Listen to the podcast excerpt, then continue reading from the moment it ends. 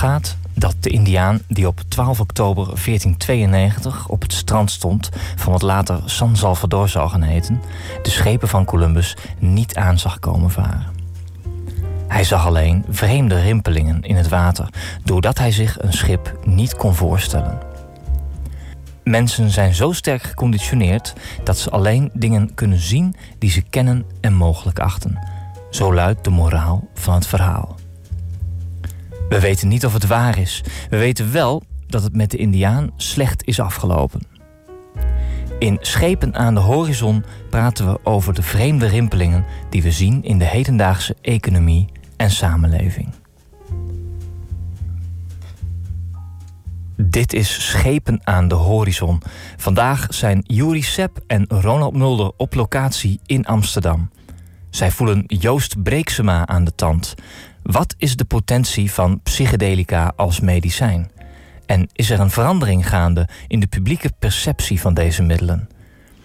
Het wordt hoog tijd dat de nevelen optrekken en we de werking van deze oude stoffen met een frisse, objectieve blik belichten. Toch? Juri, Ronald, steek van wal. Eh, de laatste jaren wordt er in medische wetenschap steeds meer onderzoek gedaan naar psychedelica. Geestverruimende middelen als LSD, ketamine, MDMA, paddo's, ayahuasca bevonden zich jarenlang in het verdomhoekje. Dit met name door de escalaties in de jaren 60 en 80. Maar deze middelen zijn nu met een kalme maar gestage opmars bezig. Zowel eh, binnen de medische wetenschap dus, als ook onder een nieuwe generatie uh, jongeren. Uh, wat deze ontwikkeling precies inhoudt, daarover praten we vandaag met Joost Breeksema. Uh, werkzaam als projectleider bij Mainline, een stichting die zich inzet voor het bevorderen van de gezondheid en het verbeteren van de rechtspositie van mensen die drugs gebruiken. En tevens is hij voorzitter van Stichting Open, die als doel heeft het stimuleren van wetenschappelijk onderzoek naar psychedelica vanuit verschillende disciplines. Joost, hartelijk welkom. Dankjewel. Uh, ja, laten we bij het begin beginnen. Hoe is jouw uh, persoonlijke interesse ontstaan in deze materie en hoe heeft het geleid tot waar je nu bent? Um, nou ja, even voor de duidelijkheid, als we het hebben over deze materie, dan gaat het vooral over wetenschappelijk onderzoek naar psychedelica. Ja. Want dat wil ik wel graag loszien van mijn werkzaamheden als, uh, als harmreductionist. Um, maar mijn interesse in, in, in wetenschappelijk onderzoek naar psychedelica is gegroeid tijdens mijn studies filosofie. Ik ben um, uiteindelijk afgestudeerd op mystieke ervaringen in de filosofie van William James. Die deed uitgebreid onderzoek naar specifieke, hele individuele, betekenisvolle religieuze ervaringen. Um, en dat vond ik heel interessant. En mijn motivatie om met uh, de stichting te beginnen kwam voort uit een congres in 2006. Dat was uh, een heel groot internationaal congres ter ere van Albert Hofman, de ontdekker van LSD, die toen 100 werd. En in zijn geboortestad Basel werd toen een heel groot wetenschappelijk congres georganiseerd over psychedelica. En toen kwam ik er eigenlijk pas voor het eerst achter dat er, wat je net zei, een kalme en gestage opmars was naar uh, wetenschappelijk onderzoek in dit veld. En ik kwam er ook achter dat in Nederland eigenlijk nog helemaal geen onderzoek plaatsvond. En dat was een beetje de aanleiding om met, uh, met dit werk te beginnen. Om te kijken of we dat in Nederland van de grond konden krijgen. En hoe heb je dat aangepakt? Um, nou ja, we zijn heel simpel be begonnen met uh, toen wij nog studeerden. We zijn lezingen gaan organiseren op universiteiten. En uh, hebben in de loop der tijd rustig een netwerk uitgebouwd van geïnteresseerde wetenschappers in binnen- en buitenland. En in 2010 hebben we voor het eerst een congres georganiseerd. En dat hebben we inmiddels vier keer gedaan. En die groeien, um, de congressen worden telkens groter. De, de interesse van mensen die niet zo into psychedelica zijn, maar die puur vanuit wetenschappelijke interesse komen, groeit ook. En dat is uh, wat mij betreft een heel duidelijk voorbeeld van nou ja, de toegenomen interesse in, uh, in wetenschappelijk onderzoek naar psychedelica. Ja, het is natuurlijk ook jaren eigenlijk weg geweest. Uh, vanaf de jaren 60. Uh, dat, toen is het een beetje misgegaan, denk ik, bij de hele counterculture met mensen als Timothy Leary die het uh, ja, eigenlijk hebben opengebroken en een beetje op, straat hebben gegooid. Hè, dat iedereen uh, aan de drugs kon. Alleen zorgde dat ervoor dat mensen in de laboratoria er geen onderzoek meer naar konden doen. Uh, maar ergens is daar nog wel een, op de achtergrond onderzoek naar gedaan. Misschien niet in Nederland, maar wel internationaal. En hoe, hoe is dat volgens jou weer op zo'n punt gekomen... dat het weer ja, tegen de mainstream aan zit eigenlijk? Ik denk dat wat heel belangrijk is geweest, is dat in de jaren negentig enkele organisaties zich uh, weer hard zijn gaan maken voor, voor wetenschappelijk onderzoek. En wat je zei klopt helemaal. De, de, de lacune sinds de jaren zestig, ja, het feit dat onderzoek verboden is, of dat die middelen eigenlijk verboden zijn, heeft ertoe geleid dat onderzoek niet meer mogelijk was, of heel moeilijk werd. En tegen de jaren negentig zijn er een paar organisaties die zich daar tegen zijn gaan verzetten. En gedacht, we moeten niet. Uh, we moeten ons zo ver mogelijk houden van de counterculture. We moeten meegaan met de wetenschap, met de wetenschappelijke eisen. Heel zorgvuldige onderzoeksvoorstellen indienen. Hele, hele goede protocollen schrijven. En samenwerken met de autoriteiten om uh, te kijken of we weer voorzichtig, beginnend met fundamenteel onderzoek, uh, studies van de grond kunnen krijgen. Dus eerst onderzoeken naar de, naar de, naar de, naar de werking, de werkingsmechanismen in de hersenen, de uh, toxicologie, de hele fundamentele vragen over hoe die middelen werken. Om aan te tonen dat ze, uh, dat ze veilig gebruikt kunnen worden in proefpersonen. En vanuit daaruit zijn langzamerhand weer uh, kleinschalige klinische studies gestart naar die middelen. Ja, en hoe, hoe ben je daar zeg maar, als stichting, hoe, ben je daar, uh, hoe kun je daar eigenlijk bij aansluiten? Zeg maar? Uh, hebben jullie veel contact met ziekenhuizen of universitaire studies? en hoe, hoe, hoe faciliteren jullie dat vanuit de stichting? Onze, onze, voornaamste, onze voornaamste bezigheid in dat opzicht is gewoon puur netwerken.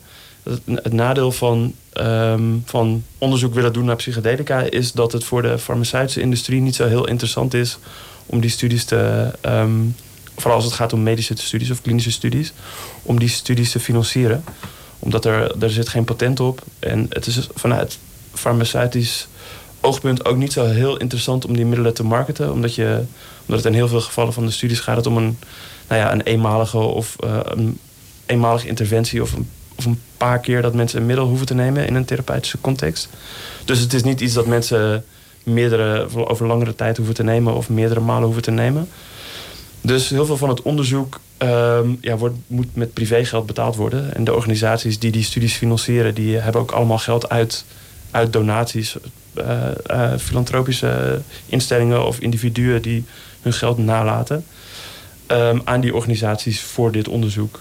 Dus wat wij in Nederland, omdat in Nederland er toch iets minder sterke traditie is, filantropische traditie dan in de VS bijvoorbeeld, uh, proberen wij puur door het organiseren van, uh, van dit soort bijeenkomsten, zoals congressen die we organiseren, um, wetenschappers in aanraking te komen met dit soort onderzoek. En laten zien dat het puur vanuit wetenschappelijk en vanuit klinisch oogpunt heel interessant is uh, wat deze middelen doen.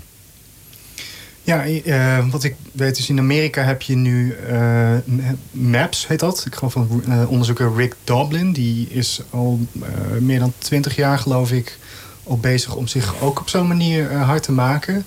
ja, al 30 jaar. Al 30 jaar ja. inmiddels. ik geloof dat hij zich vooral een beetje richt op MDMA en dat soort middelen. Ehm, wat zie jij daarvan terug in, in het onderzoek hier, is, is, er een, uh, een, is er een brug tussen? Of is er een groot uh, verschil tussen Amerikaans onderzoek of het onderzoek hier in Nederland, wat er nu gebeurt? Nee, omdat het, omdat het nog vrij kleinschalig is, is er, uh, is er heel veel contact tussen wetenschappers. Volgens mij kennen de meeste mensen elkaar wel. En het is een goed voorbeeld, want MAPS, de Multidisciplinary Association for Psychedelic Studies, die richt zich inderdaad vooral op, um, op MDMA in de context van therapie voor de behandeling van mensen met posttraumatische stressstoornis. En vooral met mensen die al meerdere behandelingen geprobeerd hebben en die telkens terugvallen in hun, uh, in hun ziektebeeld. En zij zijn daar heel ver. Ze hebben daar heel erg goed mee samengewerkt met de, met de FDA, de Food and Drug Administration. Die gaat over toestemming voor dit soort onderzoek. In ieder geval om te werken met verboden middelen, zoals MDMA. Die ook in Amerika op de, op de meest strenge, meest gecontroleerde lijst staat. En zij zijn daar nu zover in de VS uh, en het systeem in Europa is iets anders dan in de VS. Maar in de VS zijn ze nu zover dat ze een fase 3 klinische studie mogen doen. En dat betekent dat ze onderzoek mogen doen naar een grotere groep patiënten in verschillende uh, centra met verschillende therapeuten.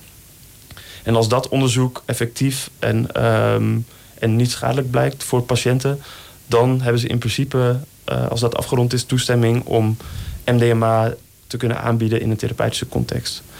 En in Nederland um, is er nu een onderzoeksgroep die ook ehm, een studie wil opstarten na de behandeling van PTSS uh, met behulp van MDMA.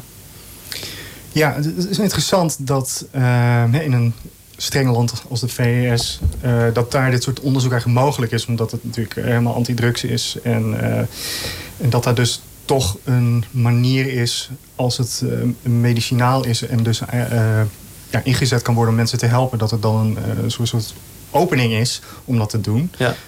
Um, zijn die regels gewoon hetzelfde ook voor, voor Nederland? Of, um... Nee, het, het, het, is ook niet onmogelijk om onderzoek met die middelen te doen. Het is alleen wel een hoop werk omdat die middelen op de opiumlijst staan. Um, en omdat je, je hebt er geld nodig en klinische studies zijn gewoon duur.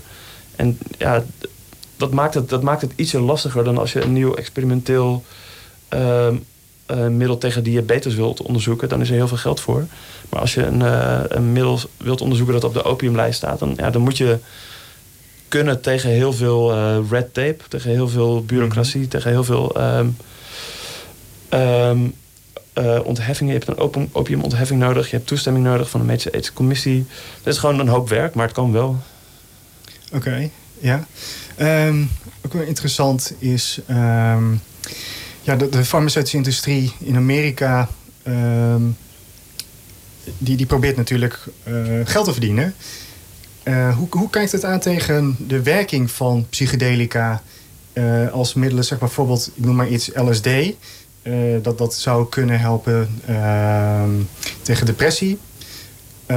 maar je gaat er ook van hallucineren ik neem aan dat de farmaceuten daar de hallucinogene werking daarvan proberen te dempen. En uh, de andere werking uh, ja, te te vergroten om het zo zeg maar, op de markt te brengen. Hoe, hoe werkt dat volgens jou? Zijn dat twee uh, machtsvelden die tegenover elkaar staan? Of? Nou ja, ik weet niet zo goed wat de farmaceutische industrie hierover denkt. Maar volgens mij is er weinig interesse, in ieder geval vanuit de industrie maar als je kijkt naar behandelaren, mensen die, die, uh, die zich bezighouden met de behandeling van angststoornissen of van depressie of van trauma's of van verslaving, dan is er best wel veel nou nieuwsgierigheid en interesse in. Omdat er ja, in farmaco farmacotherapeutisch opzicht, als je kijkt naar medische, medische interventies voor, voor, voor dat soort aandoeningen, is er gewoon al heel lang niks nieuws op de markt. er komen wel nieuwe antidepressiva op de markt. Maar die doen feitelijk niet heel veel anders dan de al bestaande antidepressiva. En ze zijn ook heel vaak gericht op het bestrijden van symptomen. En passen in heel veel gevallen niet echt de oorzaak van het probleem aan.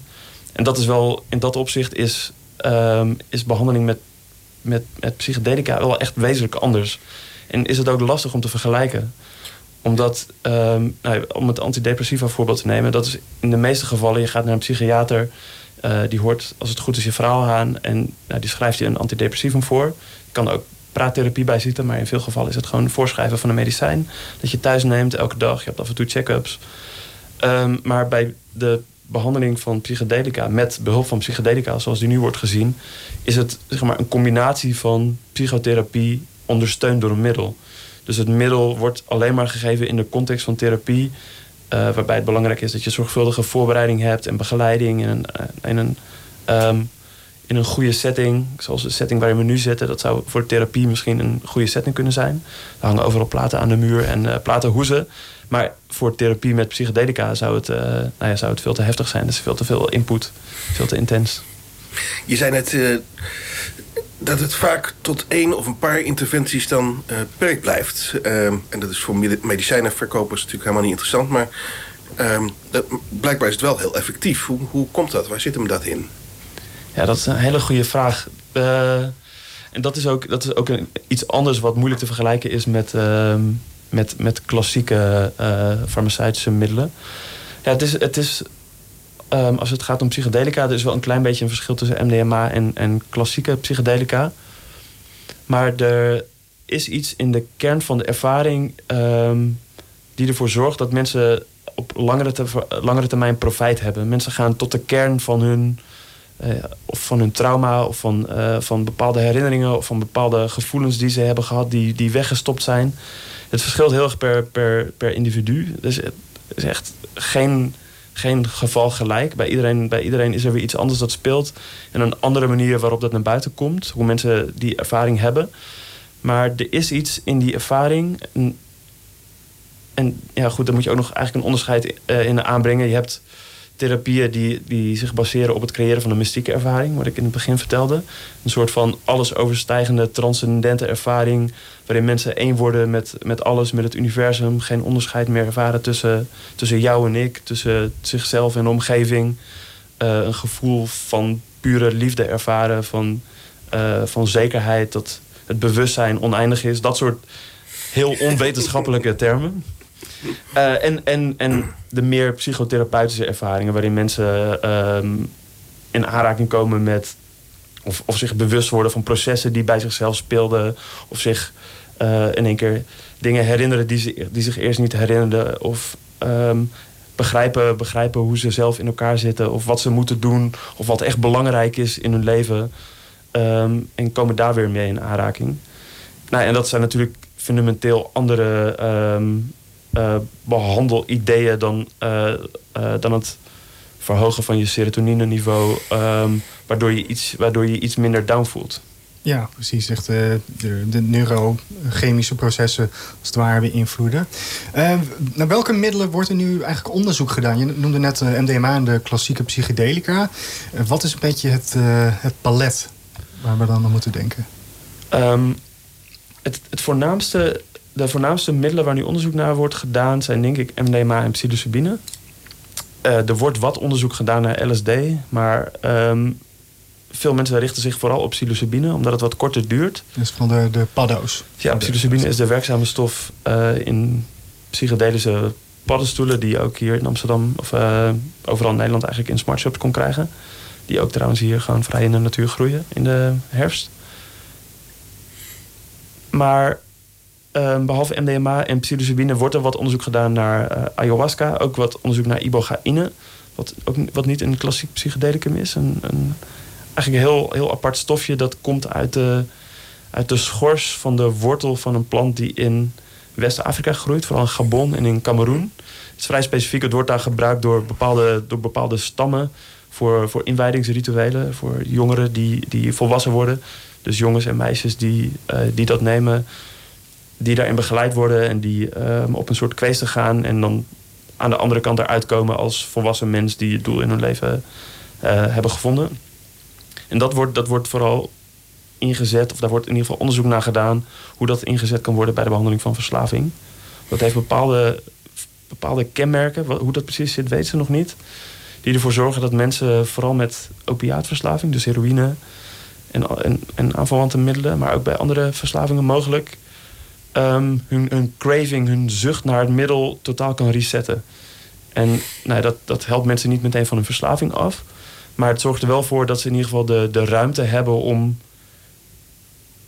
om um, te werken aan de oorzaken van hun verslaving. En dan zit er ook nog een daadwerkelijk psychedelisch deel aan die ervaring, waarin mensen teruggaan naar hun, hun kindertijd of uh, nou ja, wat ik net zei, emoties herbeleven of inzichten krijgen in hun eigen psyche die ervoor zorgen dat ze, dat ze beter begrijpen waarom ze ooit verslaafd zijn geworden. En die twee componenten maken dat het een heel interessant middel kan zijn voor de behandeling van verslaving. Ja, en uh, zijn ook nog middelen als ketamine bijvoorbeeld. Uh, je vertelde net al een beetje voor de podcast, voor de opnames al, uh, dat daar nu een, uh, ja, grote winsten worden geboekt, zeg maar, in, ja. academisch gezien. hoe zit het met ketamine? Ketamine is ook geen, geen klassiek psychedelicum. Het is een, het is een middel dat, dat psychedelische effecten heeft in bepaalde doseringen. En het grote voordeel voor onderzoek naar ketamine is dat ketamine een geregistreerd medicijn is. Het is een essentieel medicijn volgens de Wereldgezondheidsorganisatie. En artsen kunnen het gewoon voorschrijven. En dat betekent dat het ook veel makkelijker is om onderzoek na te doen. En er is behoorlijk veel bewijs dat ketamine effectief kan zijn als snelwerkend antidepressivum. Dus dat is vooral interessant bij mensen die, die ernstig uh, depressief zijn en mensen met suïcidale neigingen. Um, kunnen daar heel veel baat bij hebben. Want een, een, een SSRI, antidepressief of andere, andere vormen van antidepressiva, die hebben vaak nou ja, weken nodig voordat ze, voordat ze werken. En mensen weten vaak ook niet of het specifieke medicijn dat zij proberen, of dat meteen of dat bij hun aanslaat. En ketamine blijkt uit onderzoek kan vrij snel een, een, uh, een verandering in depressieve gevoelens veroorzaken die nou, een paar dagen tot een week ongeveer aanhoudt. Oké, ja, dat, het, het klinkt als uh, ja, fantastische middelen in die zin. Um, ja, hoe, hoe, um, hoe zit het eigenlijk juridisch gezien? Want er zit een, het lijkt ergens een deels in een taboe-sfeer te hangen. Uh, er zijn natuurlijk, het valt ergens onder een, op een drugslijst. Uh, hoe, hoe is dat langzaam weer te doorbreken, zeg maar, voor uh, dat zeg maar, Jan en Alleman, mochten zij een depressie hebben, dat zij dit soort middelen kunnen gebruiken? Onderzoek. Dat is, dat is denk ik nodig, puur om aan te tonen met, uh, met, de, met de strikte richtlijnen van de, van de huidige wetenschap. En dat is ook wat, wat het huidige onderzoek onderscheidt van het onderzoek in de jaren 60. Er wordt nu heel veel aandacht besteed aan heel rigide onderzoek. Het zijn bijna allemaal placebo-gecontroleerde, dubbelblinde, gerandomiseerde klinische onderzoeken. En dat was in de jaren 60 zeker niet zo. En het is ook wel de vraag of dat voor psychedelica de beste methode is. Maar dat, maar dat even terzijde. Maar in ieder geval, er wordt heel zorgvuldig wordt het onderzoek opgebouwd om te laten zien dat het middel effectief is, dat het veilig toegediend kan worden. Eh, wat, wat belangrijk is als het, uh, als het middel, mocht dat middel werkzaam zijn. En als dat in grotere groepen patiënten kan worden aangetoond, dan denk ik dat er niet zo heel veel is wat het in de weg staat om ooit um, als medicijn voorgeschreven kan worden. En dan bedoel ik niet voorgeschreven als in je krijgt een recept mee, je gaat naar de apotheek en je haalt het op. Maar meer als je als psychiater of als psychotherapeut een bepaalde training hebt gevolgd en uh, bekend bent met hoe je deze middelen kan inzetten, kan inzetten in therapie, dan krijg je licentie en dan mag je met die middelen werken bij bepaalde patiënten. Zoiets. Ja. De dubbelblind, dat betekent dat ook de, in de test de behandelaar niet weet of die placebo of middel toedient. Klopt, ja. Is dat niet ontzettend ingewikkeld als je, jij zegt het is onderdeel van een therapie, uh, zelfs de, of er platen aan de muur hangen is van belang. Ja. Um, hoe, ik zie dat moeilijk voor me. Als, dat, um, als een behandelaar echt niet weet of hij een middel toedient of niet. Ja. Nou, wat, wat in de studies gedaan wordt is... Um, de therapie is hetzelfde. En mensen krijgen ofwel een placebo... of ze krijgen het, het werkzame middel. Dus um, nou, je, je, gaat de hele voorbereiding in met patiënten. Je bouwt een band op. Je zorgt dat je elkaar goed kent. Je bereidt mensen voor op de mogelijke ervaring die ze kunnen hebben. En um, hoe ze begeleid worden. Zijn altijd, bijna alle klinische studies worden begeleid door een team, een man-vrouw team. Die er gedurende de hele sessie, acht uur. Dus het is echt een lange rit die erbij zitten. En dan um, bijna, bijna alle, bij bijna alle klinische onderzoeken is, is het ook zo dat mensen op een bank of op een bed liggen met uh, oogkleppen op, zodat ze niet worden afgeleid door de omgeving. Uh, dat mensen wordt gezegd dat het belangrijk is om naar binnen te gaan, dat ze introspectief worden. Ze hebben een koptelefoon op met muziek, zodat ze een klein beetje gestuurd kunnen worden. Uh, want je hebt altijd omgevingsgeluid en dat kan ook enorm afleidend zijn. En dan krijgen ze ofwel een, een werkzaam middel, ofwel LSD of psilocybine of MDMA, of een placebo. En het lastige is inderdaad dat mensen vrij snel uh, doorhebben of het wel of niet een werkzaam middel is. Kijk, als je een, een middel helpt, middel uh, krijgt dat ter bestrijding van pijn is, nou ja, dan er is gewoon aangetoond dat, uh, dat je geest een hele hoop invloed heeft op de effecten. Je, die geest is heel sterk en heel, um, heel kneedbaar. En nou ja, als je, als, je, als je iets krijgt wat verder geen werkzaam middel is, maar dan wordt je verteld dat het een, dat het, dat het een, een nieuw pijnbestrijdingsmiddel is, dan kan dat, dan kan dat effectief zijn. Mensen ervaren daadwerkelijk een, een vermindering in pijn. Bij psychedelica, als je dat geeft, um, als je iets geeft dat geen werkzaam middel is, dan hebben mensen na een half uur, na een uur echt wel door of er wel of niet, of er wel of niet iets gebeurt. Ja.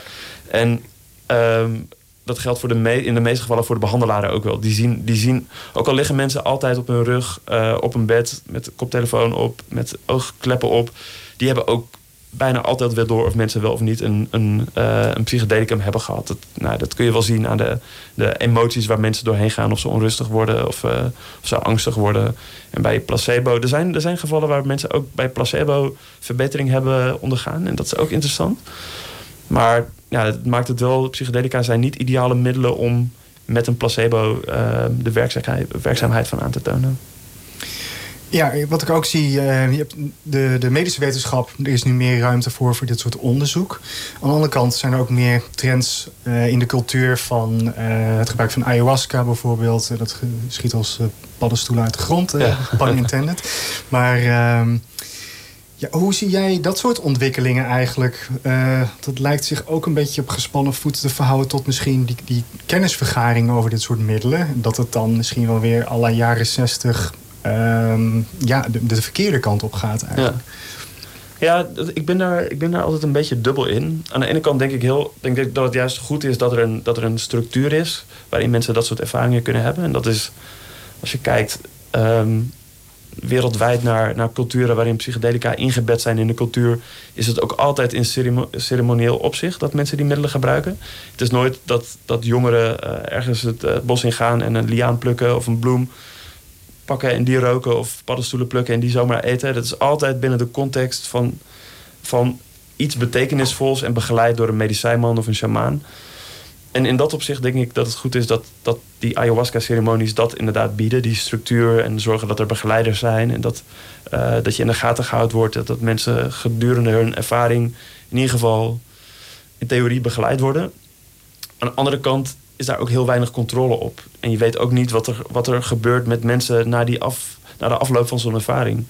Want het is natuurlijk wel bij heel veel mensen zo, denk ik. Ik bedoel, dat is een aanname, ik weet het niet zeker.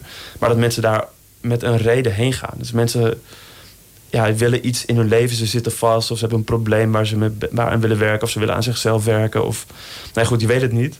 Maar dat, ja, psychedelica kunnen wel van alles naar boven brengen. En nou ja, wat een heel belangrijk onderdeel is bij, ehm, bij, bij therapie met psychedelica, is het integreren van die ervaringen. Dus mensen hebben hele diepe ervaringen gehad, die ze niet altijd kunnen plaatsen of die ze niet altijd snappen. En dan is het heel belangrijk om te zorgen dat, nou dat je dat kunt inpassen in de rest van je leven. De inzichten inpassen of daarover kunnen praten met iemand om te begrijpen wat er gebeurd is. En dat is bij heel veel van die ceremonies denk ik niet aanwezig. Dus nou er, is, er is een risico dat mensen naar zo'n ceremonie gaan. Ze hebben een heel, uh, een heel goed of een heel moeilijk weekend gehad. En dan is de ceremonie voorbij. En dan, ja, mensen blijven vaak nog even slapen, geloof ik. En de volgende dag ga je weer naar huis en dan, uh, ja, dan moet je werken. En dan uh, sta je met je collega's weer bij de, bij de waterkoeler of bij het koffiezetapparaat. En niet iedereen is open om over dat soort ervaringen te praten. En dat kan best een, dat kan best een breuk zijn met je, met je realiteit zoals je die gewend bent. Ja, dan zouden eigenlijk meer mensen het moeten doen uh, om een soort uh, sociaal vangnet in die zin uh, ja, te dat, is, dat is niet wat ik helemaal hoor. Ik denk eerder dat het belangrijk is dat er een soort van professioneel vangnet is voor mensen om hun ervaring in te kunnen kaderen.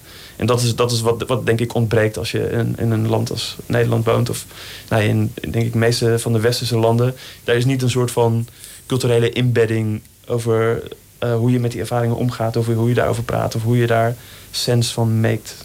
Om het in mm -hmm. slecht Nederlands uit te drukken.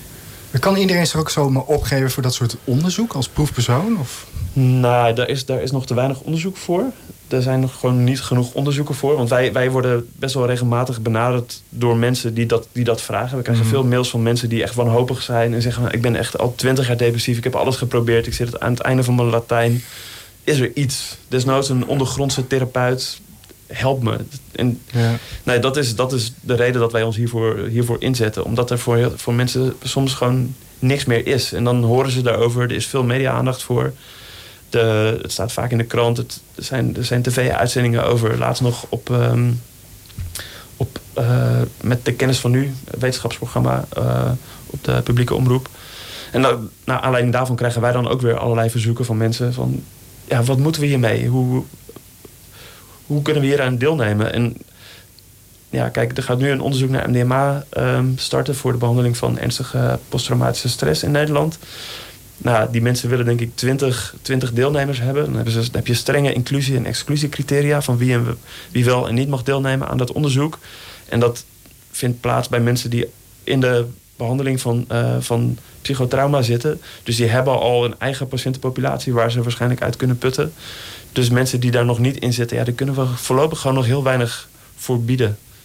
Helaas. Ja. Uh, zelfmedicatie gebeurt, nou, misschien medicatie niet, maar experimentatie uh, met microdosing. Mhm. Het fenomeen, uh, volgens mij geloof ik in Silicon Valley ook uh, helemaal hip is. Het is helemaal hip. Hoe, hoe kijk jij daar tegenaan? Ehm, met de gezonde skepsis.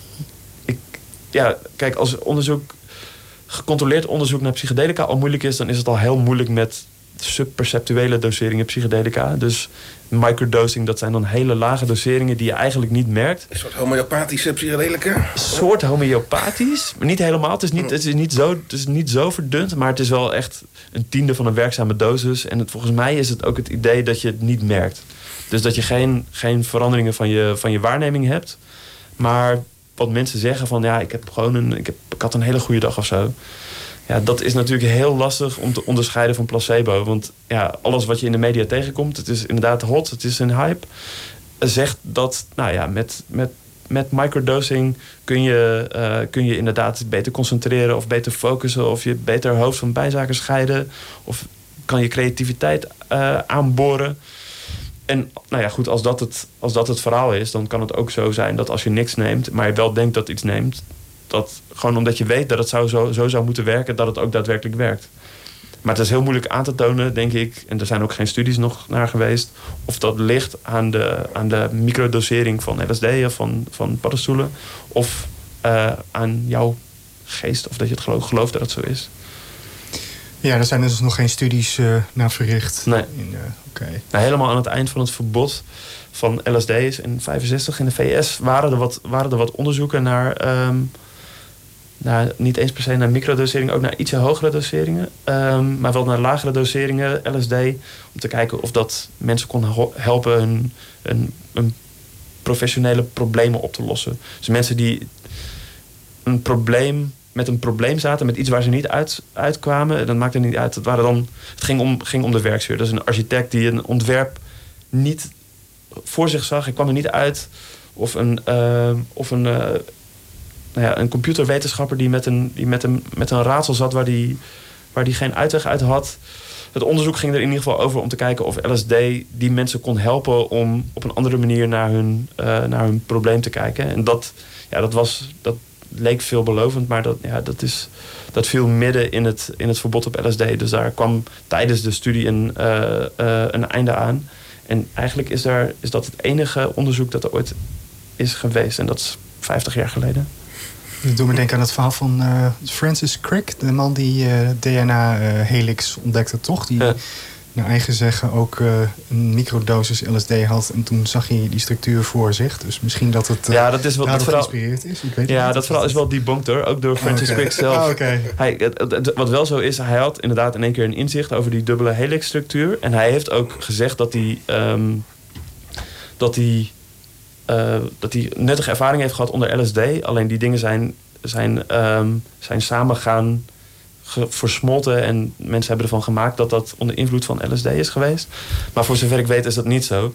Maar er is wel een andere, er is wel een andere uh, Nobelprijswinnaar... die wel expliciet, expliciet heeft gezegd dat hij zijn inzichten dat, dat te danken heeft aan, aan het gebruik van LSD. Dat is Carrie Mullis. Wat heeft uh, hij ontdekt? Of? Ja, moet ik heel even denken. De polymerase keten in van bepaalde eiwitten. Hij heeft, heeft, een bepaalde structuur ontdekt. Ik heb, zijn, ik heb zijn boek daarover gelezen, maar ik weet ook niet meer precies hoe het zat. Zoeken we op. Dat, uh... Ja, dat gaan wij uh, ja, in, de, in de show notes. Uh. ja, hij, heeft een, hij heeft een heel interessant boek gelezen, geschreven daarover. Dat heet Dancing Naked in the Mindfield. En daarin vertelt hij ook hoe, dat, hoe, die, hoe zijn ervaringen hebben bijgedragen aan zijn inzichten. En ehm, hem in wetenschappelijk opzicht ook veel hebben opgeleverd. Ja. Hey, net vertelde je hoe, hoe moeilijk het is om bij een test nu uh, te komen, om eraan deel te nemen en hoe frustrerend dat is voor mensen. Uh, mm -hmm. Dat is natuurlijk wel een probleem. Hè? Er zijn heel veel mensen met een depressie uh, Ja. in Nederland.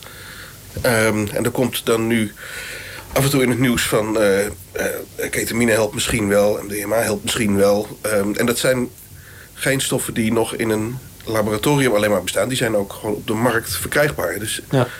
um, leidt dat niet tot nou ja, ongewenste effecten? Uh, mensen die maar gewoon op de zwarte markt uh, dit aanschaffen. Ja, ja ik, ik weet het niet. Ik bedoel, er is natuurlijk altijd de kans dat mensen dat zelf gaan, gaan proberen, inderdaad. Wij, wij, zeggen al, wij, wij raden het heel expliciet af. En je ziet ook uit de studies dat als je, als je patiënten interviewt, hoe belangrijk, de, hoe belangrijk de context is geweest waarin mensen dat middel hebben gekregen. En dat gaat ook nadrukkelijk niet om, om een middel dat mensen krijgen. Het gaat om de, wat, wat, ze, wat ze in het Engels psychedelic assisted psychotherapy noemen. Dus het gaat om psychotherapie dat ondersteund wordt, die ondersteund wordt door een psychedelicum. Dus een middel dat maakt bepaalde ervaringen in mensen los, bepaalde dingen in mensen los, die kunnen nuttig zijn in de, in de behandeling van, van mensen. Dus het is echt heel belangrijk dat mensen dat doen in de context van therapie met een ervaren therapeut die weet wat voor soort bewustzijnstoestanden uh, opge, opgewekt kunnen worden door psychedelica. Die weet hoe belangrijk de omgeving is, de zorg voor mensen, de nazorg, de voorbereiding. Al dat soort dingen zijn echt heel belangrijk. En hoe die precies, um, hoe die precies een rol spelen, ja, dat, dat is nog aanleiding tot heel veel interessant onderzoek, denk ik. Hoe je precies de setting kunt tweaken. Of wat voor muziek belangrijk is bij het, uh, bij het opwekken van bepaalde ervaringen.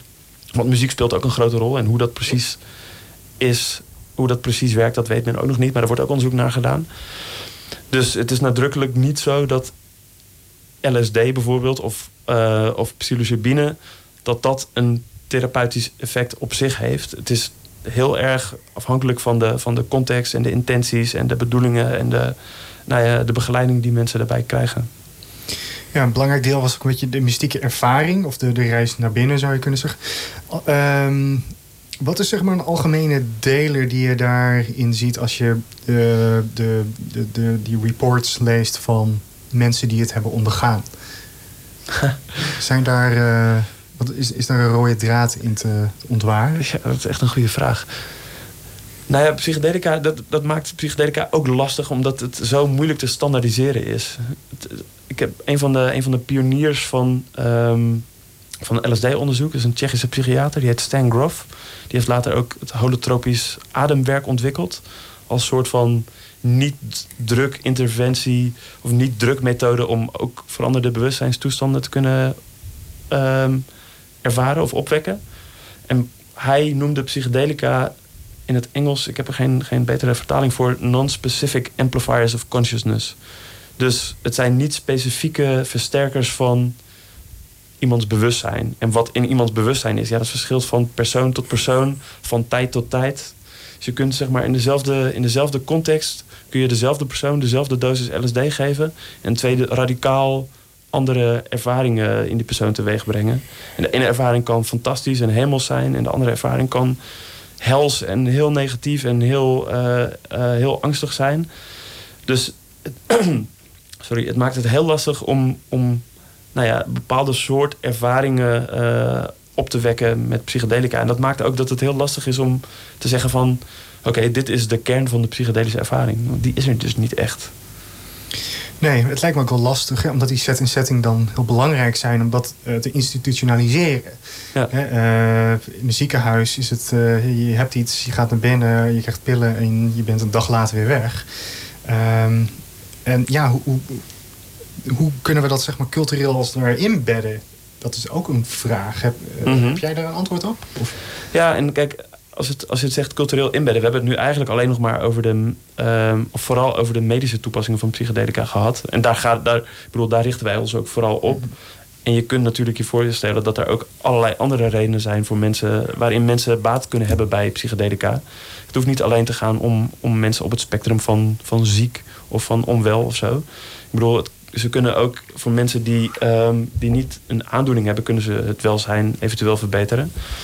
Maar als het gaat om, om de medische context, um, waar, het nu, waar het nu vooral naartoe gaat, is het denk ik heel belangrijk uh, om te zorgen dat je een goede opleiding hebt van therapeuten. Dat mensen getraind worden um, en misschien ook zelf ervaring hebben hoe dat is om in een therapeutische context met psychedelica te werken. En dat is niet alleen de training van therapeuten, ook om hun werkruimte zal erop ingericht moeten worden. Je kunt het niet doen midden in een druk uh, academisch ziekenhuis waar allemaal mensen langslopen en waar lawaai is en waar allemaal machines uh, bliepjes maken en waar al allerlei omgevingsgeluiden zijn. Want dat, ja, dat wordt enorm versterkt onder invloed van psychedelica. Dus al dat soort dingen, daar moet je heel goed over nadenken. En ik denk, ik denk dat dat ook heel belangrijk gaat, gaat worden. Als, als de onderzoeksresultaten zoals ze er nu zijn, als die zich voortzetten, dus als de resultaten positief zijn en mensen ervaren daadwerkelijk uh, verlichting van hun klachten, nou ja, dan, wordt het op, dan krijg je op een gegeven moment dat die middelen toegestaan gaan worden. En wie mag daar dan mee gaan werken? Je kunt het niet, ik denk niet dat het een goed idee is als iedereen daar zomaar mee aan de slag kan. Ik denk dat het echt belangrijk is dat mensen uh, nou ja, goed opgeleid worden en, en snappen, of in ieder geval een idee hebben van de soorten, de soorten bewustzijnstoestand, de soort ervaringen die mensen daarin krijgen en hoe je daarmee omgaat. En hoe je omgaat met mensen die panikeren of die angstig worden of achterdochtig worden. Of die juist, die juist helemaal teruggaan naar een trauma. Van ja, hoe, hoe begeleid je iemand in, in zo'n moment? Hoe handel je? Want ja, mensen worden heel gevoelig voor, voor van alles. Dus ook voor hoe jij met mensen omgaat. Ja, er moet dus meer onderzoek gedaan uh, worden. Ja, en eh, vooral, vooral veel training voor, voor, voor mensen die hiermee gaan werken, denk ik. Ik denk dat dat een heel belangrijk ding gaat worden in de toekomst. Ja. Uh, even terug naar Stichting Open. Mm met hoeveel man werken jullie daar nu aan? Zeg maar het, het vernetwerken van dit soort academisch onderzoek? We hebben een bestuur van vijf man vijf, vier man, één vrouw, om specifiek te zijn. En afhankelijk van het project waar we mee bezig zijn, hebben we een heel, heel netwerk van vrijwilligers. Zoals ik al zei, we hebben vorig jaar juni een groot congres georganiseerd in Amsterdam, een groot wetenschappelijk congres. En dan werken we met 20, 25 man. Het is allemaal vrijwillig. We zijn, we zijn een uh, non-profit stichting, maar we hebben ook geen vaste bron van inkomsten. Dus we doen dit werk allemaal vrijwillig. Maar we hebben gewoon een heel groot netwerk van, uh, van, van professionele vrijwilligers. Mensen die een achtergrond hebben in eventorganisatie of in design. Of um, uh, nou ja, het organiseren van congressen. En nou, afhankelijk van het project hebben we, hebben we een verschillend aantal mensen die daaraan werken. Maar de core, de core van Stichting Open, dat is een bestuur van vijf man. wat voor type projecten werken jullie aan? We zijn nu bezig met het organiseren van een, uh, van een kleine, hele gerichte bijeenkomst voor psilocybine onderzoekers in Europa. Dus alle mensen die bezig zijn met fundamenteel of um, klinisch onderzoek naar psilocybine, om die bij elkaar te brengen. Om die ook te trainen um, door verschillende therapeuten. Je hebt een paar mensen die al wat meer ervaring hebben met klinische studies met psychedelica. En je hebt een Zwitser, je hebt een tweetal Zwitsers die toestemming hebben om met die middelen te werken als psychiater in Zwitserland. Dus die hebben een toestemming van de overheid om uh, bijvoorbeeld bij bepaalde patiënten eh, MDMA of LSD te gebruiken in therapie. En die gaan we, die gaan we uh, het laten hebben over die aspecten waar we het net over hadden. Van oké, hoe richt je dan een ruimte in? En hoe gaat zo'n dag als een patiënt binnenkomt? Ga je eerst even, even lekker een kopje koffie drinken en een beetje, een beetje? Of ga je meteen aan de slag? En hoe zorg je ervoor dat Um, dat zo'n dag zo goed en zo soepel mogelijk verloopt. En wat voor, wat voor therapeutische methode, methode, methodes gebruik je. En uh, om te kijken van wat zijn er, wat zijn er voor um, regulatoire methodes om, om met die middelen te kunnen werken. Dus wat, hoe werkt dat in Europa? Hoe zorg je ervoor en hoe zorgen we er collectief voor als wetenschappelijke gemeenschap dat klinisch onderzoek ook daadwerkelijk leidt tot versnelde toegang voor patiënten. Dus dat het niet alleen maar is om papers te schrijven um, en onderzoek te publiceren, maar hoe zorgen we er gezamenlijk voor dat al dat onderzoek bijdraagt aan um, uh, snellere toestemming van de autoriteiten om die middel, middelen beschikbaar te maken voor therapie. Dus dat is een project waar ik momenteel mee bezig ben. Ja. Ja, en ja, nee, ik ben, we zijn nog een ander uh, side-project aan het doen. Dat wel enige relatie heeft met mijn, uh, met mijn, um, met mijn uh, betaalde werk. En dat is een, een crisisinterventie voor mensen die psychedelica gebruiken um, in een recreatieve context. Dus op een festival zijn natuurlijk altijd mensen die psychedelica gebruiken. En een festival is eigenlijk helemaal niet die, de, de goede setting. Want heel veel, heel veel impulsen. Heel veel impulsen, inderdaad. Heel veel oncontroleerbare factoren. Um, waardoor mensen soms hele lastige ervaringen hebben. En wij, wij organiseren een opvang om um, met uh, ja, een, een, team van iets van 40 mensen 24 uur lang mensen te kunnen opvangen die midden in zo'n wat je, wat je eigenlijk wat mensen de volksmond een bad trip noemen. Wij noemen het moeilijke ervaringen. Hebben, uh, moeilijke ervaringen. Die mensen op dat moment hebben uh, om te kijken we ze zo goed mogelijk kunnen opvangen. En te proberen iets van een negatieve en positieve ervaring te maken. En dat is, dat is denk ik ook heel leerzaam voor mensen die ooit onderzoek willen gaan doen naar psychedelica of in, uh, als therapeut met psychedelica willen werken. Van oké, nou je kunt nog geen onderzoek doen, maar hier is een, een naturalistische setting waarin mensen die middelen gebruiken. Nou ja, bij ons komen dan alleen de mensen die uh, echt lastige, zware ervaring hebben. Hoe ga je nou zo goed mogelijk met zo iemand om? En hoe zorg je ervoor dat je, dat je iemand weer rustig krijgt en iets positiever? En ervoor zorgt dat hij dat die uiteindelijk er beter uitkomt dan hij, dan hij bij ons binnenkwam. Ja, dus we hebben aan de ene kant uh, de medische wetenschap, een nieuwe, hernieuwde interesse, uh, jongere generaties die ermee aan de haal gaan, zeg maar. daartussenin lijkt mij ehm, ja, de, de, de, de burgerij en de overheid zoals die nu bestaat. Zie je daar ook verschuivingen in? Is er een, een grotere tolerantie ontstaan de afgelopen jaren voor dit soort fenomenen? Wat, wat bedoel je precies met... met... Ehm, bijvoorbeeld um, regulering of um, interesses over verschillende leeftijdsgroepen heen misschien? Of ja, ik denk dat ayahuasca, wat je eerder noemde, dat dat wel de interesse van de, van de, van de gemiddelde burger weergeeft. Ik denk, mijn, mijn gevoel is dat ayahuasca heel erg in het, in het uh, New Age wellness hoekje zit. De mensen die geïnteresseerd zijn, geraakt in yoga of in uh, spiritualiteit, zijn ook de mensen die, die openstaan voor ayahuasca. En dat zijn heel, heel veel gevallen zijn dat, zijn dat uh, gewoon, gewoon normale mensen eigenlijk. Mensen die, die ja, ik weet, niet, ik weet niet goed hoe je dat algemeen uitdrukt. Maar ik denk dat dat gewoon de gemiddelde Nederlander zou kunnen zijn. Gewoon je buurvrouw die iets, uh, iets leest in de Libelle of de Magriet over iemand die ooit een keer een ayahuasca-ervaring had en een prachtige. De happiness, denk ik. Ja, ik wil happiness eigenlijk niet noemen, maar dat is inderdaad wel, dat is inderdaad wel een teken van dat is een beetje in dezelfde hoek. En dat is, dat is denk ik de, de gemiddelde burger die, die daar op die manier mee aanraking komt. En dat zijn helemaal niet mensen die geïnteresseerd zijn in drugs of in psychedelica.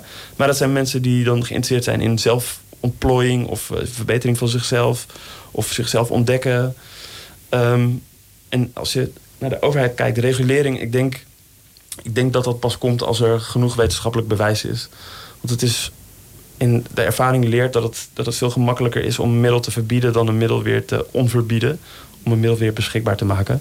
Want als je dat doet, als je middel niet meer verbiedt, dan moet je ook heel goed gaan nadenken: oké, wat betekent dat dan? Hoe ga, je dan? hoe ga je dan een middel niet verbieden? Wordt dan ook de productie gelegaliseerd? En hoe doe je dat dan? En dan wat voor regels uh, moet, dat, moet dat voldoen? Dus dat is denk ik een veel ingewikkelder proces. Ja. Uh, misschien laatste vraag. Uh, van alle wetenschappelijke literatuur die je hebt gelezen, alle studies, wat is volgens jou een meest veelbelovende middel eigenlijk? Of uh, verbazingwekkend qua werking? Ja, ik denk dat het eigenlijk, en dit is, dit is mijn mening, ik denk dat het eigenlijk niet zo heel veel uitmaakt welk middel je neemt als het gaat om psychedelica. Ik denk dat het vooral de context waarin je een middel neemt, die uitmaakt wat het, uiteindelijke, wat het uiteindelijke effect is. Ik denk dat je dezelfde resultaten met die, die nu geboekt worden met psilocybine... eventueel zou kunnen bereiken met LSD of met ayahuasca... of met mescaline of met MDMA of noem, noem maar op welk ander um, psychedelicum dan ook. Maar als je kijkt naar welke, welke klinische, um, klinische toepassingen het verste zijn... dan denk ik dat als het onderzoek zo doorgaat zoals het nu gaat... dat MDMA voor de behandeling van PTSS dat de kans groot is dat dat over vijf jaar, zes jaar misschien, um, in de VS gelegaliseerd gaat worden. Dus dat je dan uh, toestemming hebt van de FDA um, om met die middelen in therapeutische context te kunnen werken. En de organisatie die dat bijna alle onderzoek gesponsord heeft, MAPS, die heeft dan ook het uh, recht om die behandeling aan te bieden en, uh, en ook de bijbehorende therapie. Dus dat doen ze al, of de, zeg maar, de opleiding voor therapeuten. Dus ik denk dat dat, dat dat misschien wel het eerste, het eerste middel is dat beschikbaar gaat worden. Ik weet niet precies hoe dat zich vertaalt tot Europa, omdat de FDA en de European Medicines Agency wel allebei een eigen, een eigen protocollen hebben en een eigen um, regulering. En of de zorgverzekering het gaat dekken? Nou, dat wordt een hele interessante vraag. Ja, en dat wordt ook wel echt een relevante vraag. Um, maar ik kan me goed voorstellen dat het voor, voor, vanuit het perspectief van de zorgverzekering best wel interessant kan zijn. Het gaat dan wel om een in eerste instantie uh, duurdere interventie. Want je hebt nou ja, een, dag, een dag nodig van een therapeut. Of in veel gevallen zelfs van twee therapeuten. En je hebt een dag, een dag aan ruimte nodig. Dus dat is, nou ja, dat is best wel intensief en dat is ook best kostbaar. Maar als het goed is, heb je dat, hoef je dat misschien één keer te doen en dan nog wat integratiesessies en eventueel voor sommige mensen een tweede sessie. Maar mensen hoeven niet ehm, tien jaar lang een middel te slikken, een antidepressivum of uh, onderhoudsbehandeling voor een verslaving.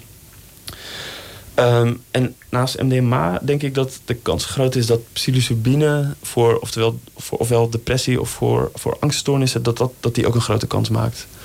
Er is nu afgelopen december um, zijn de twee laatste studies gepubliceerd voor de fase 2 klinische studies naar de behandeling van end-of-life anxiety in het Engels. De um, angststoornis aan de hand van mensen hun, een, een, verminderde levensverwachting. Dus ze hebben een diagnose, in veel gevallen was dat een kankerdiagnose. Um, en nog een beperkte levensduur. En mensen uh, raakten daardoor in een, in een depressie of een angststoornis. En daar is onderzoek naar gedaan in verschillende centra. En die waren allemaal vrij veelbelovend. Mensen ervaren echt verlichting en een hernieuwde focus op wat echt belangrijk is in de, in de tijd die ze nog resteerden in hun leven. Ja.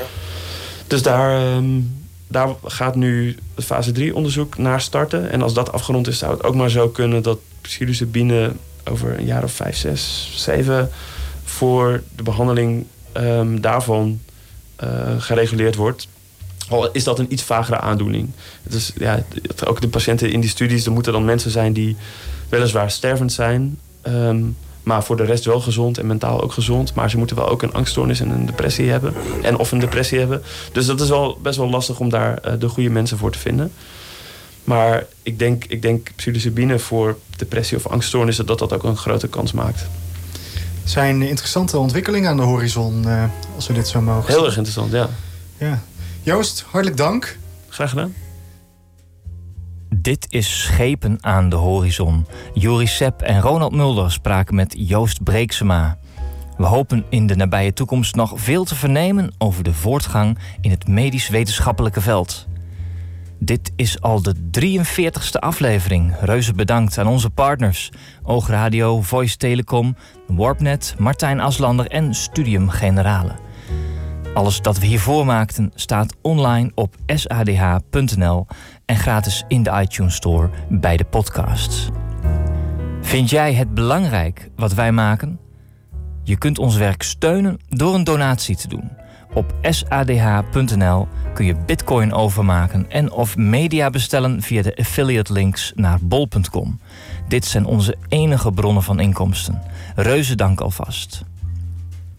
Schepen aan de horizon wordt gemaakt door Ronald Mulder, Liekle de Vries, Juri Sepp, Marloes Dekker, Stephanie van der A en mijn naam is Maarten Brons. Onze speciale gast van vandaag, Joost Breeksema. Zeer bedankt voor je wijze woorden en heldere uiteenzettingen. Voor nu bedankt en tot de volgende keer.